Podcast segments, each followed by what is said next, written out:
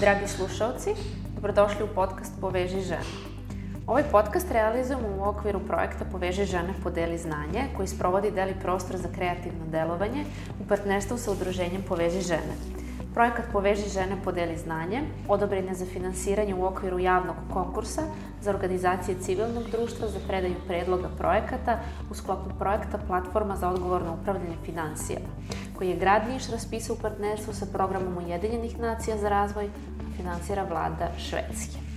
Ovaj podcast snimamo u Deli Coworking prostoru, koji je idealno mesto za vas ukoliko želite da radite na razvoju vaših ideja i biznisa.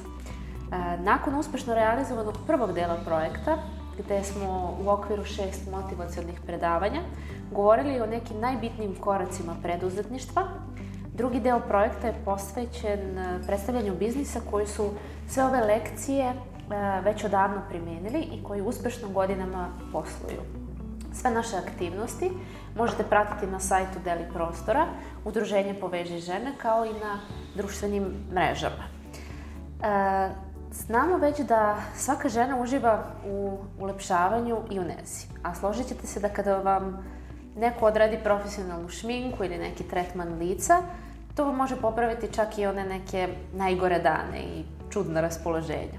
Kada govorimo o ulepšavanju, jedno od prvih imena koje ćete čuti u Nišu, a koje je vezano za uspešne biznise, je svakako Jelena Đorđević Beauty Studio.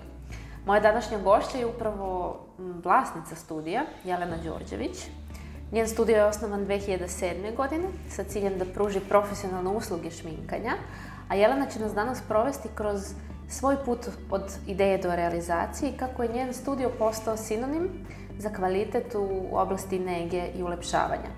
Danas studio Jelena Đorđević nudi mnogo više od samog šminkanja, a o svemu tome čućete upravo do kraja ovog razgovora. Jelena, dobrodošla. Bolje hvala. vas našla i hvala, hvala na pozivu. Hvala. Hvala ti puno na, na odvojenom vremenu i na želje da učestvuješ u našem projektu i da našim slušalcima, ovaj, da sa našim slušalcima podeliš ovaj, svoj put uh, uspeha i toga kako si uspela sve što jesi. Uh, za početak, uh, odakle motivacija za početak sobstvenog biznisa? Kako si se odlučila da se baviš ovim poslom? Moram da priznam da je moj posao uh, nastao potpuno iz nehata.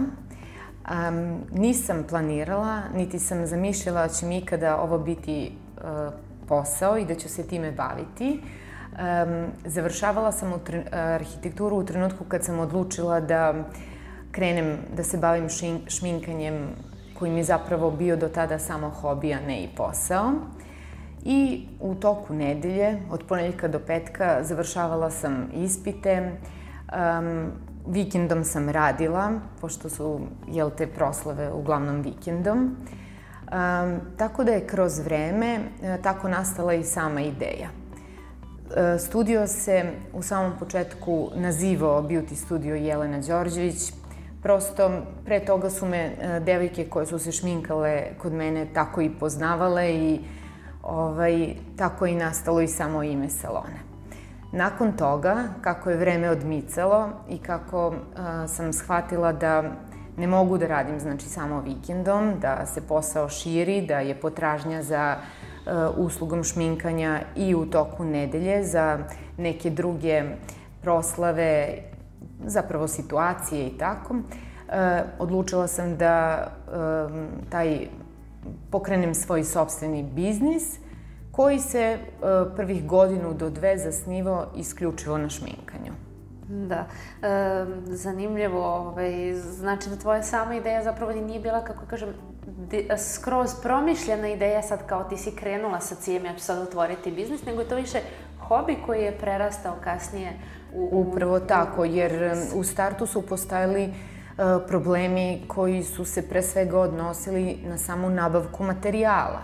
Vi sada imate potpuno uh, na svakom koraku i uh, online kupovinu kao i kupovinu u kvalitetnim parfimerijama, uh, izuzetnu šminku i ponuda šminke sada u Srbiji je stvarno apsolutno odlična za razliku od tog vremena 2003. 4. 5. godine kada sam morala da za kvalitetnu profesionalnu šminku mora, morala je da odem tipa za Mađarsku ili Grčku, gde bih kupila, a da to nije u pitanju samo drugerijska šminka.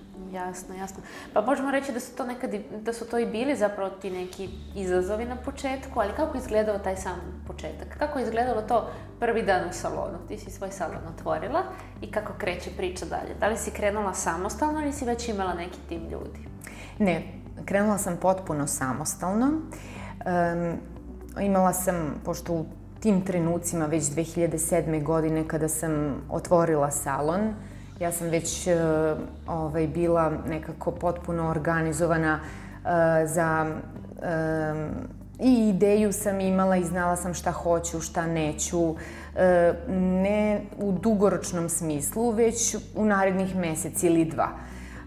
I tada me je kopkala ova ideja da li ću se baviti arhitekturom ili ću nastaviti da radim taj posao, posao šminkera i nisam imala neke dugoročne planove. Naprimer, e, tada je država nudila pomoć e, e, preduzetnicima, znači ne samo ženama, već generalno ovaj, i muškarcima i ženama za otvaranje svojih radnji, sobstvenog biznisa. Ja se nisam usudila jer su to bili neki krediti koje ukoliko, na primjer, odustanem kroz šest meseci ili godinu dana, E, taj novac sam morala da vraćam. Znači, ja zaista nisam bila spremna da uzimam taj kredit, jer sam možda u nekom trenutku žela da ipak krenem da se bavim arhitekturom.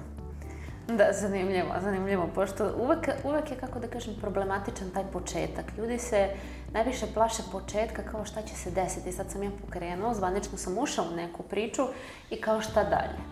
I šta se desilo na dalje? Kad si ti krenula već u taj biznis, taj biznis je krenuo da se razvija, u kom pravcu sve to ide dalje?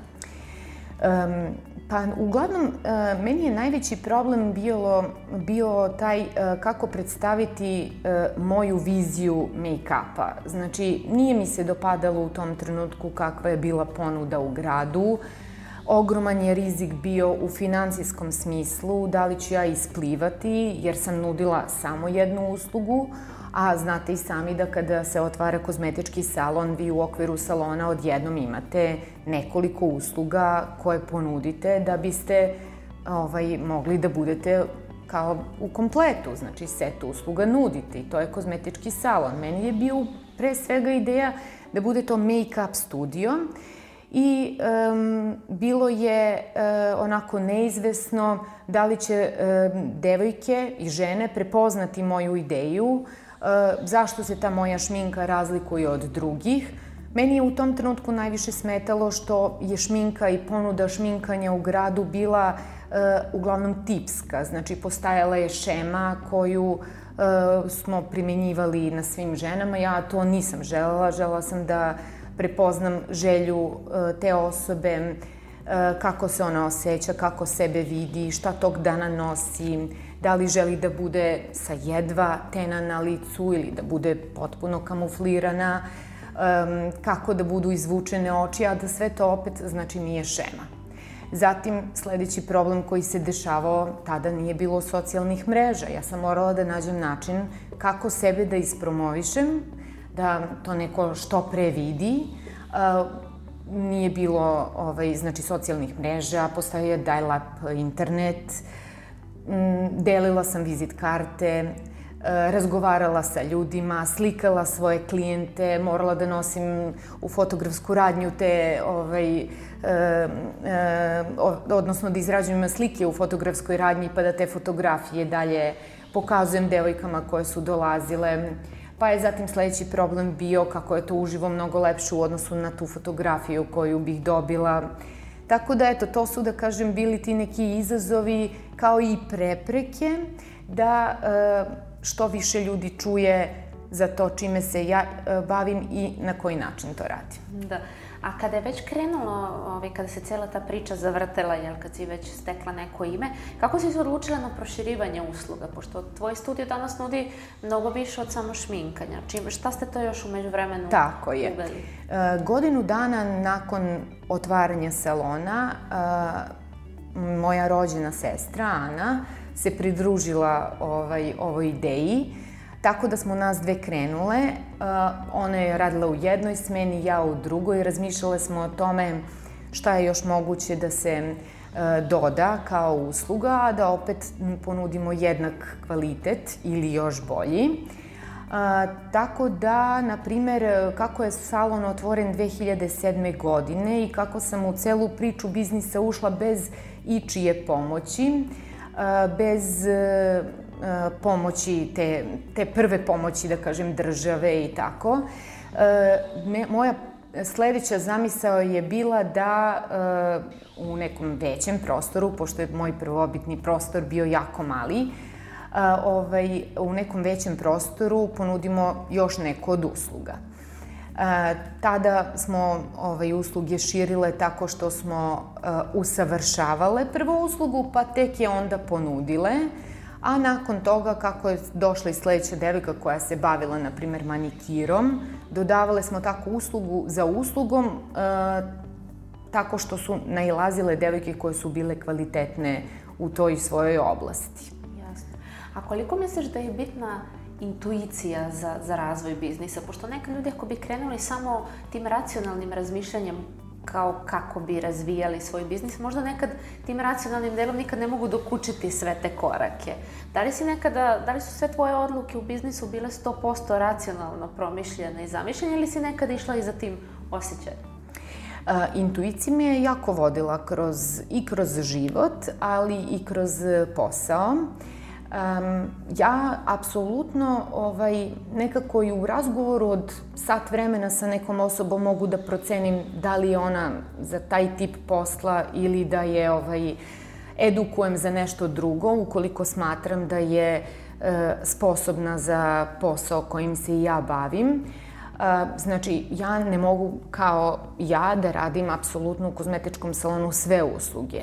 Talentovanija sam za Eh, jednu, dve ili tri usluge, ali ne mogu biti za pet. Eh, tako da eh, tokom vremena prepoznavala sam šta je to kvalitetno u devojkama koje su se oglašavale, odnosno prijavljivale na konkurs za posao i onog trenutka kad vidim zašto su one najtalentovanije, tako sam ih i ubacivala u svoj salon. A kako je izgledalo tvoja, tvoje, izgrad, tvoje građenje tima? Da li si od Upravo početka, tako. Da, da li da. si od početka imala neku viziju sad koliko ljudi želiš da imaš u timu, a ili je to prosto to, kao što si rekla, to je dolazilo tako spontano, ovaj, cijela ta gradnja tima. Šta je bitno za to, za, taj, za cijelo građenje tima? Um, za građenje tima uh, jako je bitno da se mi pre svega razumemo. Um, zna se kako izgleda um, organizacija u jednom preduzeću, koji su bitni faktori, E, ljudi, međuljudski odnosi, e, zatim sredstva za rad, mesto na kome one treba da rade, e, funkcije koje one treba da obavljaju. Tako da sve to kad skupimo kao celinu, mi dobijemo jednu uspešnu, jednu uspešnu firmu, odnosno jednu firmu koja ne može da ide dalje. Um, smatram da neku firmu može e, definitivno da ukoči i jedna osoba, ukoliko smo nas deset odlično organizovane, a postoji jedna osoba koja e, koči, e, to se stvarno, zaista se može desiti krah jedne firme ukoliko to na vreme ne prepoznamo.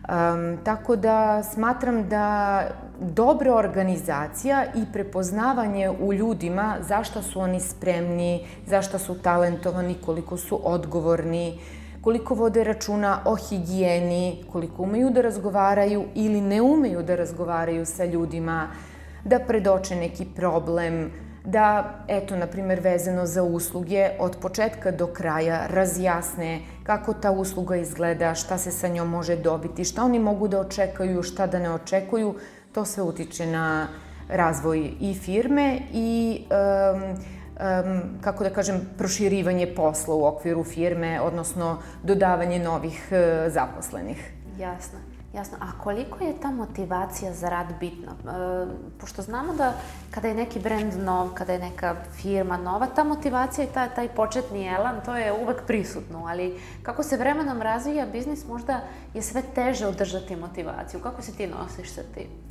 Što se mene tiče, ja nekako sam od uvek bila motivisana.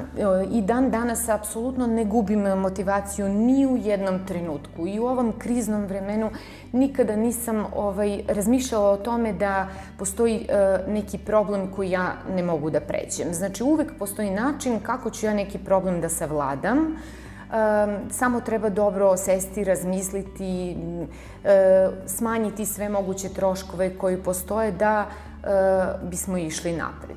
Uh, motivacija je jako bitna stvar i svi uh, koji kreću u bilo koji posao, verujem da su puni elana na početku. U nekom trenutku uh, ovaj, mogu da padnu, naravno, zbog toga što ne shvataju šta sve kvalitetan posao podrazumeva. Konkretno, kod mene je jako bitna stvar da od početka do kraja e, osoba koja se bavi nekom uslugom bude fair. Bude fair i sama prema sebi, prema svom radnom mestu, da održava higijenu tog radnog mesta, da bude fair prema kolegama, znači da bude kolegijalna, da uvek i klijentu može da izađe u susret.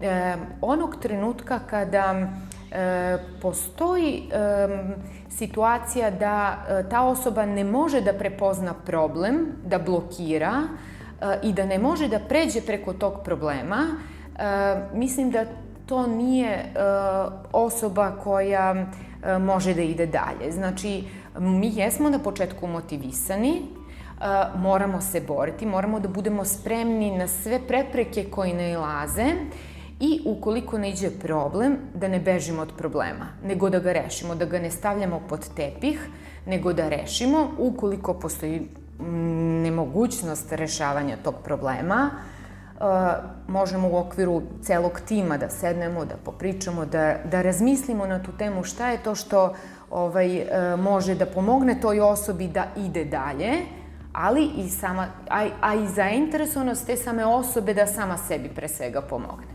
Tako je, tako je. Pa mislim da je i cilj, i cilj napretka sva, svačijeg i taj razvoj lični, da je mnogo bitno raditi na unapređenju sobstvenih nekih sposobnosti, veština, koliko privatno, koliko ličnih, tako i profesionalnih i da je to zapravo i ključ napretka jednog biznisa, tako da je to ovaj, svakako jedan jako bitan segment. A šta smatraš svojim najvećim poslovnim uspehom do sada? Mislim da će tek biti. Apsolutno, i to je, i to je odgovor, naravno, da. ali e, opet iskustvo koje ti sada imaš nikako nije malo i nije zanemarljivo. Tako da, šta je za ovih, eto koliko, 14-15 godina, koliko je to, šta je bilo nešto što smatraš da je baš veliki, ovaj, veliki korak u, tvom, u tvojoj karijeri? Mislim da um, jedan od uspeha koji su se desili prethodnih godina, a verujem da će se ovaj, i dešavati, uh, jeste to da uh, uspevam da osobe koje uh, traže posao uh, i žele da se nađu negde, na primjer eto u nekoj kozmetičkoj industriji, da prepoznam šta je to kvalitetno u njima, da bih mogla dalje da ih usmerim i da u jednom trenutku oni imaju jedan stabilan posao kod mene u timu su uglavnom sve žene i devojke, tako da moram da pričam u tom licu.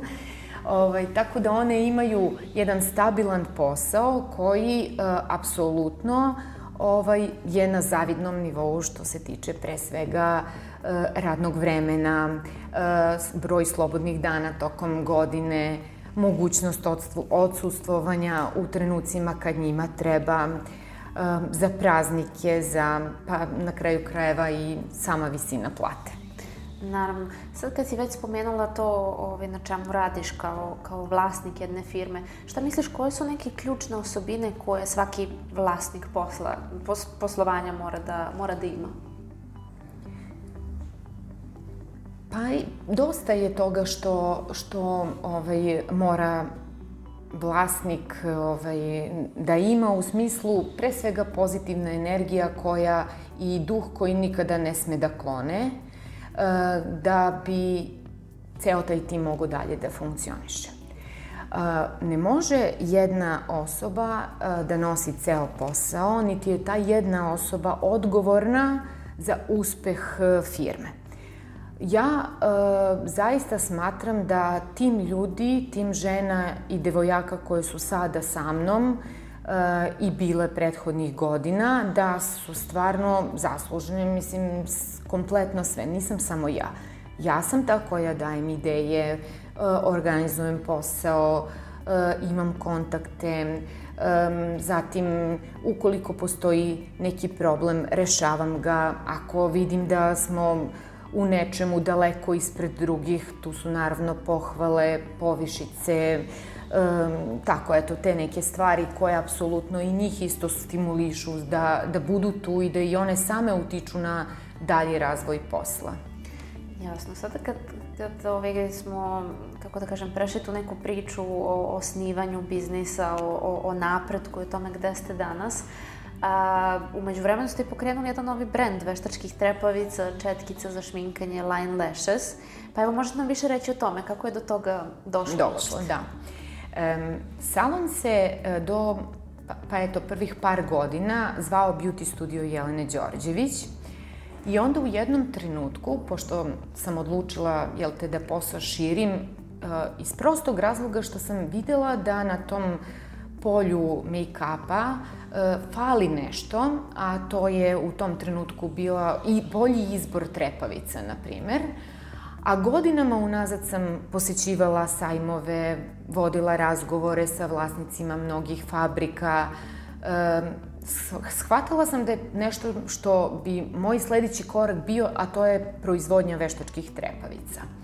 Apsolutno se nisam bojala e, činjenice što sam žena, zatim što sam rođena u Nišu i što tu živim i što mi je kompletno pokrenut e, posao iz Niša.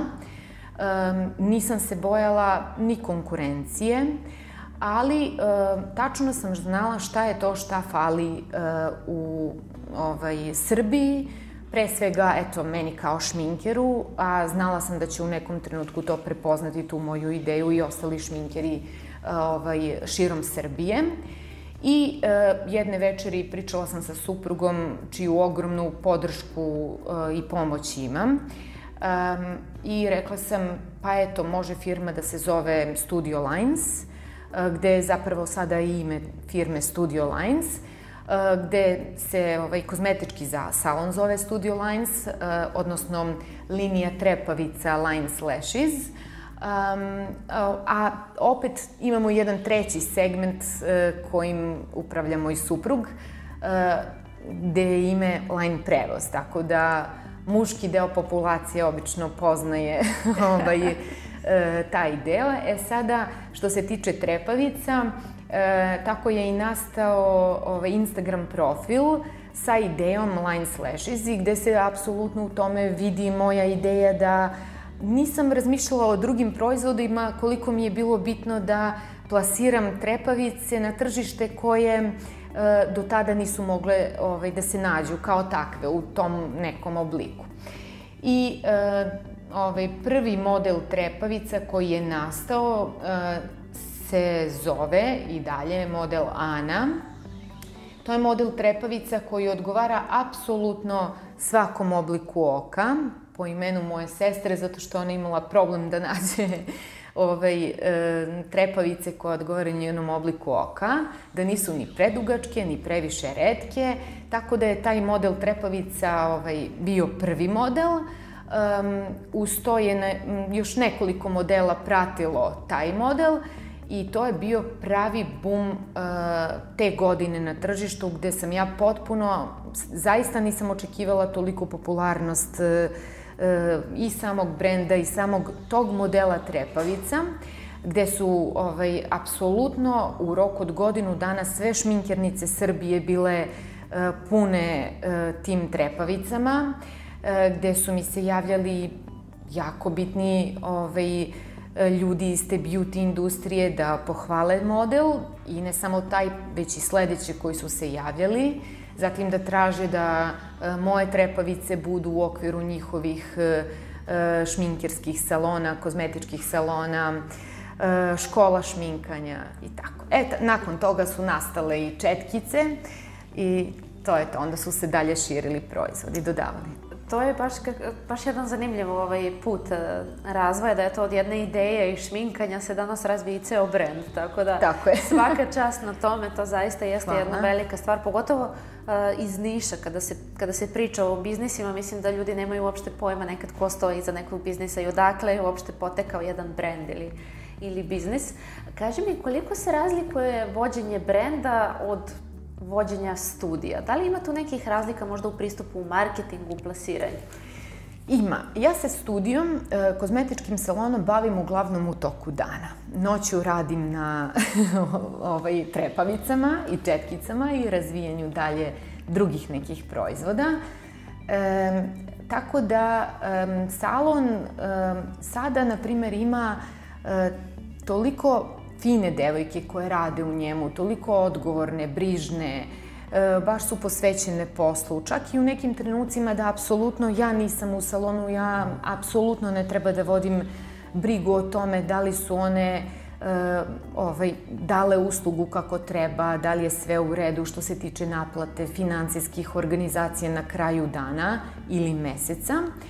Um, a opet s druge, i to mi je naravno opet e, kroz iskustvo, kroz vreme doprinalo da odaberem uh, saradnike koji će tu biti znači, sa mnom uvek uz mene i, i ja naravno uz njih. A opet s druge strane, uh, vođenje ove druge linije je izuzetno zahtevan posao gde ne sme da omaši. U pitanju je proizvodnja koja je ručno rađena, E, tako da i što se tiče četkice i što se tri, tiče ovih e, trepavica, strip trepavica, to su trepavice u ovim pakovanjima, crnim kuticama, e, koji su za višekratnu namenu. Nakon toga su i nastale trepavice koje su za, gde, kojima rade leš tehničari, znači svilene trepavice. To je opet jedna druga oblast e, trepavica kojima, koje zahtevaju dodatnu energiju. Um, moja sestra Ana, ona je preuzela, da kažem, odgovornost sve u vezi tih svilenih trepavica, e, organizaciju, samu proizvodnju, e, dalju prodaju, ali tim se širi i e, naravno ne možemo mi sve to same da radimo, iako u očima nekih ljudi koji nas angažuju, deluje kao da stoji vojska ovaj, ljudi iza toga, nas smo dve, što se tiče te organizacije. Zatim, jako bitna stvar je da e, od e, prvog dana postojanja studija je uz mene bila drugarica iz, još iz detinstva Jelena, koja je bila u početku kao pomoćni radnik, saradnik, a nakon toga je ušla u salon gde je organizovala sam salon, zatim ušla u kompletnu organizaciju Trepavica, Tako da ona vodi apsolutno prodaju, e, komunikaciju sa e, daljom, sa parfimerijama, sa drogerijama, sa maloprodajnim mrežama i tako. E, I nedavno je u sam tim došla još jedna devojka koja se bavi marketingom i ovaj, taj tim, eto, sve u vezi tih trepavica se dalje širi, pa uh, Ovaj, nadamo se da će biti sve u redu ove godine i da se planovi obistine onako kako smo planirale to i za prethodnu godinu, što nije uspelo. Da, evo sad baš kad si spomenula tu, tu godinu, koliko je ta godina je COVID-a i izolacija i svega uticala na, na tvoj posao i kako si uspela da se nosiš sa tim u prethodne godine? Bilo je jako teško, posebno u vreme a, kada je bilo vanredno stanje, tada je apsolutno sve stalo. A, ništa se nije prodavalo, trepavice se nisu prodavale niti online, niti u parfimerijama, sve je bilo zatvoreno, znači to je bila jedna potpuna blokada. Međutim, od trenutka kada su nas ovaj, pustili da radimo, Uh, uz dobru organizaciju, ne mogu da kažem da se sve vratilo u normalu, nije, nije posebno nije onako kako smo planirale za tu 2020. godinu, ali uh, mogu da kažem da su, na primer, plate svih zaposlenih bile na vreme, e, zatim čak se u broj e, devojaka u salonu uširio, e, konkurs za posao je bio otvoren, evo i sada je otvoren za ovaj, jednu delatnost. Što se tiče prodaje, e, bila je izuzetna prodaja, ali opet mnogo manja od očekivane. Pa da, mislim, to je, to je činjenica da je na sve biznise ostavila nekog uticaja ovaj, cela ta situacija, ali ono što je bitno što je u suštini svako, bar dobar deo ljudi koji ja poznam je uspeo da se izvuče iz toga. E, šta misliš da je bilo ovaj, ključno kod tebe i u celom tom pogledu na tvoj biznis što je uspelo da te održi? Da, da kažem, kako ja kažem, tebe lično što je uspelo da održi, da, da, da ideš napred i da celu, celu tu svoju priču sa, sa poslovanjem guraš dalje? Pre svega mislim da uh, je odgovornost svih zaposlenih. Znači to ovaj, stojim iza toga jer uh, koliko ja da sam imala ideja i sve te ideje ne bih mogla da sprovedem u delo da one nisu tu. Znači jedna dobra organizacija, potpuno razumevanje, usaglašavanje, to je s jedne strane, a s druge strane meni je to bila prekretnica da uh, ovaj, dalje primam u tim, uh, svoj tim zaista isključivo ambiciozne ljude. Zašto? Zato što sam shvatila da ne mogu da um, gubim energiju uh, sa ljudima, sad to može neko da protumači ovako ili onako, koje uh, zaista stimulišem, dajem um, puno ideja, dajem apsolutno sve što je potrebno za rad, a da e, se te osobe konstantno nalaze možda u nekoj depresiji. Znači, moramo uvek pozitivno razmišljati i da e, je to nešto što nas vuče dalje. E, eto, to je, to je nešto otprilike što da, bi bio pa, odgovor pa, na ovo Da, mislim, to, onda takav pristup je tebi omogućio da, da toliko godina i, i imaš takav biznis i da zaista budeš prepoznatljiva na, na tržištu i kod nas, a verujem i, i, i u Srbiji. Kad smo kod tržišta, šta je, koliko je teško ostati konkurentan danas na tržištu, tržištu i šta misliš da je jako bitno da svaki biznis ima da bi uopšte ostao konkurent?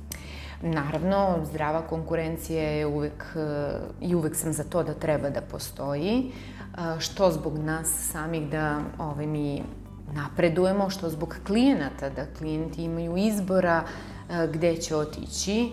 I ja nemam apsolutno ništa protiv toga da, na primer, e, neka klijentica ili klijent ode u neki salon, zatim da dođe kod nas da uporedi usluge. Znači, kada pričamo o, o samom salonu, isto to važi i za proizvode koje nudimo. Znači, da nema konkurencije, verovatno ni ja ne bih bila ovde gde jesam.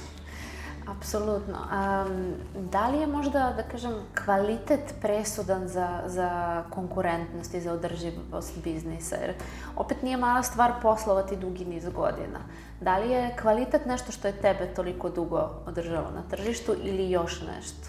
Um, pre svega kvalitet. Znači, uvek sam se trudila da uh, održavam taj kvalitet i da on ide samo uzlaznom putanjom. Čak i kad se desi uh, neka loš, kad se desi neka greška e, iz koje ja apsolutno izvučem pouku, znači to je nešto od čega dalje možemo da učimo, ne samo ja nego i zaposlene. I um, ovaj, ukoliko mi sujetno priđemo uh, tome, to nas može samo odvući korak unazad. Znači, e, pratimo ovaj, neka svoja načela, pratimo sugestije klijenata, Uglavnom su tu pohvale, ali vrlo pažljivo saslušamo i uh, onda kada postoje neke kritike koje su vrlo konstruktivne. Tako da, uh, bez kvaliteta, apsolutno smatram da salon ne bi postajao toliki niz godina i da se sve ostalo ne bi desilo da, da nisam imala taj cilj, a to je pre svega kvalitet. Da. E, pričali smo i o tome koliko je taj napredak i lični rad na sebi, e, koliko je bitan, bitan ceo taj proces i da li postoje neki možda alati, servisi, knjige, YouTube na kraju krajeva, tutoriali koji su, da. koji su ostavili na tebe utisak ili koji su tebi pomogli da unaprediš svoje sposobnosti? Pa kad sam krenula da se bavim ovim poslom, ja sam shvatila da u tom trenutku ja moram biti i kreativna, moram biti i knjigovođa, uh, ekonomista, moram apsolutno da razmišljam i o toj fotografiji, o svemu tome što ovaj, prosto vuče jedan posao, a zašto nisam bila spremna na samom početku da plaćam ljude svaku po osobu uslugu. Uh, I e, definitivno je e, bitno to da ne znam, sada je mnogo lakše svima koji kreću u posao, Instagram, YouTube, u to vreme toga nije bilo. Znači, mogla sam da iščitavam, e, znanje da imam samo iz knjiga, uz savet starijih, iskusnih kolega i to je bilo sve. Zatim, puno sam učila uh, baš iz tih, iz tih grešaka koje su bile, znači nije da nisu, dešavale su se i to je bilo nešto čime sam se uvek vodila. E, sada, sada je daleko sve lakše. Da. Pa pojavom eto te tehnologije i moderne, moderne načina plasiranja i proizvoda i komunikacije i svega, mislim da je u velikoj meri ovaj, olakšan ceo taj proces, ali opet neke stvari kao što je konstantan kvalitet, mislim da uopšte ne treba ni dovoditi u, u pitanje. Nakon celog svog to, tvog puta od osnivanja do danas, kako vidiš budućnost tvog poslovanja? E, pa budućnost poslovanja, pa eto, prosto planovi koji su bili prošle godine e, nisu se svi obistinili, delić toga se ostvario. E, prošla godina je pokazala da šta god da planiramo ne možemo ovaj, da budemo sigurni da će se to desiti. Ja i dalje stojim iza toga da moramo samo da razmišljamo o tom kvalitetu, da to klijenti prepoznaju, da će uvek biti klijenata koji će tražiti isključivo kvalitet i to je nekako i, i dalje zamisao i budućnost. A da li misliš da je pravljanje tih dugoročnih planova i, i biznis planova neophodno za, za, za uspeh koji, koji se očekuje nadalje? U samom startu nisam imala dugoročne planove, oni su se uglavnom svodili od prvog do prvog. Jako mi je bilo bitno da platim sve račune, da nikom nisam dužna ni jednu fakturu, da su plate uvek na vreme isplaćene. Sada Postoje naravno planovi, ali um, prosto nismo sigurni ovaj, da li će moći da se svi obistine tokom ove godine. Pa da, mislim da su svi naučili jednu veliku lekciju u ovaj, toku prethodne godine, da nekada možda celo to planiranje, dugoročni planovi mogu pasti u vodu preko noći i onda mislim da se dosta ljudi i okrenulo više tim kratkoročnim planovima i, i nečemu u narednih mesec dana, godinu dana maksimalno. Tako da vidjet ćemo još kako će se ovaj, sve to uh, razvijati. Kaži Planovi mi... mora da postoje svakako. Da, pa da. svakako. Kada uporediš svoje poslovanje na samom početku i danas, koje su glavne razlike koje primećuješ? Mm, ovako, uh, ja imam čerku koja ima 18 godina i kada bi ona krenula da se bavi nekim poslom, ne mora da to bude ovaj, uh, ja bih imala uh, puno toga da joj pomognem, da joj kažem, da je usmerim kako sme, šta sme, šta ne sme. U tim trenucima ja zaista nisam imala pomoć apsolutno niti oko organizacije, ni financijsku pomoć. Sve sam morala sama da smislim kako, šta, naravno sa suprugom.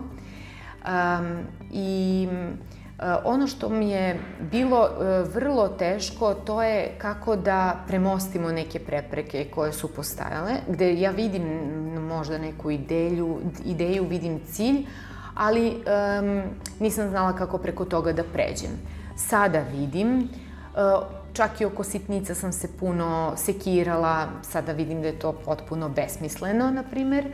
Um, ogromno iskustvo za mnom, ono onoliko koliko iskustvo imam, sada imam eto koliko, 42. godinu punim ovu, ove godine, krenula sam sa 24, pa vi sad vidite.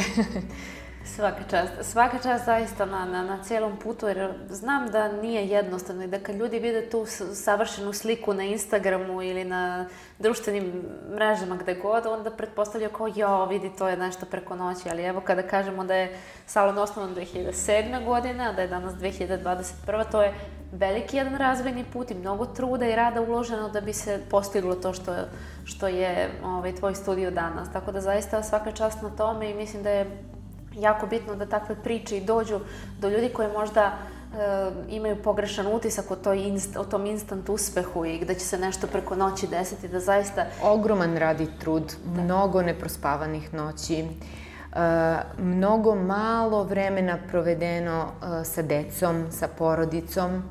Ja sam nedavno pričala koleginicama da sam ja tek pre par godina, možda dve ili tri godine, a, uspela da 31. decembra budem kod kuće već u popodnevnim satima, da uskrs budem takođe, za uskrs budem takođe sa porodicom, za Božić, za sve te praznike gde je moralo, da kažem, da se radi, da se ispoštuju klijenti, ako oni dolaze tokom cele godine i ako im je bitan datum taj, na primer, za uskrs, udaju se, ja ne mogu da kažem njoj ne. Prosto bilo mi je neprijatno.